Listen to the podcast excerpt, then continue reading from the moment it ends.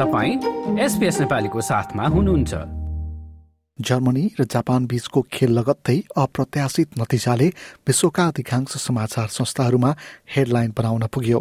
खेलको शुरूआतमा मानवाधिकारको विषयलाई नजरअन्दाज गरेको भन्दै प्रतिकारात्मक रूपमा आफ्नो मुख छोपेका जर्मनीका खेलाड़ीहरूले खेल पछिको नतिजाले भने निराश बने। खेलको तेत्तिसौँ मिनटसम्म अग्रता लिएको भए पनि समूह यी अन्तर्गतको खेलमा जापानले एकका विरुद्ध दुई गोल फर्काउँदा जर्मनी हार हुन बाध्य भएको छ। जापानी गोलकिपर सुएची गोन्डाले लगातार चार बल गोल पोस्टबाट रोक्न सफल भएका थिए। खेलको पचहत्तरौं मिनटमा अर्का जापानी खेलाडी रिट्स डोअनले गोल गर्दै जर्मनीको बराबरीमा पुगे। त्यसको आठ मिनटमा जर्मनीमा क्लब फुटबल खेलेका टकुमा असानोले अर्को गोल गर्न सफल भए। जापानसँगको हार बेहोरेको जर्मन टोलीका प्रशिक्षक हान्से फ्लिकले खेलको नतिजामा चित्त दुखाइ भए तापनि स्पेनसँगको अर्को खेलका लागि आफ्नो ध्यान केन्द्रित हुने बताएका छन् Of course, now we're brutally disappointed, but now it's all about improving. We have to take our chances against Spain so that we can make it to the knockout stage. We have the quality to do that, but we have to show that throughout the whole 90 minutes. Japan फुटबलमा त्यति कमजोर नमानिए तापनि जर्मनीसँगको जितलाई भने निकै चासोका साथ हेरिएको छ। जापानका लागि यो ठूलै उपलब्धि रहेको मानिन्छ।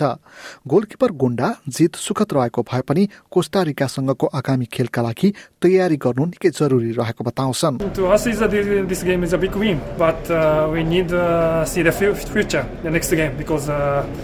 Next two game is uh, lose. this is uh, not good. So yeah, we need uh, uh, we need a good recovery and uh, good preparation uh, against uh, Costa Rica. यता समूह यी अन्तर्गतकै Spain र Costa Rica बीचको खेल भने एकतर्फी देखिन्थ्यो खेलको हाफ टाइमसम्म तीनका विरुद्ध शून्यको अवस्थालाई स्पेनले बढाउँदै लगेर सात शून्यको अवस्थामा पुर्यायो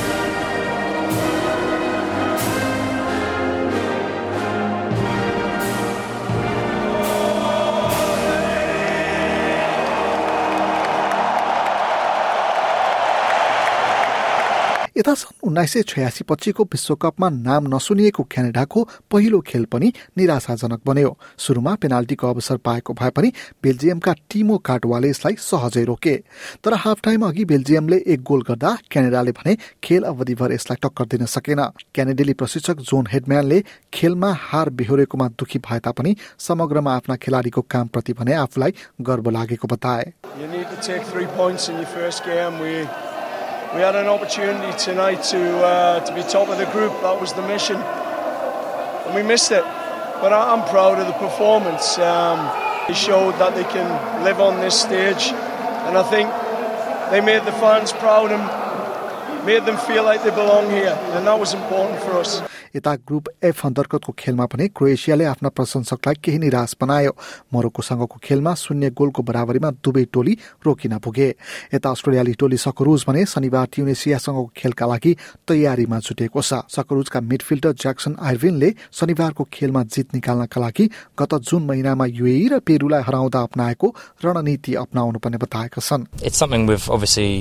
Focused on. We did take the intensity and the um, um, almost like a presence, you know, uh, during that June camp. It was just so intense all the time. We were so present in every moment within games, within the week, and um, you know, we've definitely started building towards that again this week. Obviously, um, last night was it was a, a, kind of a different proposition, um, but that's definitely something we're going to have to tap into, and again in these next two games, and and continue to to, to build on, and um, you know, us as as leaders and experienced players, we can help drive that. खेलको पाँचौं दिनसम्म आइपुग्दा आठवटा टोलीले अझै पनि खेल देखाउन बाँकी नै रहेको छ समूह जी र एचको खेलका दौरान पाँच पटकको विश्वकप विजेता ब्राजिल र सर्बिया बीचको खेल निकै चासोका साथ हेरिएको छ तर सर्बियाली प्रशिक्षक ड्रागन जोकोभिक आफ्नो टोली कसैसँग पनि नडराउने प्रतिक्रिया दिन्छन् We are expecting of course difficult game, extremely difficult game, but we as a team, we must be very focusing on our own style of football.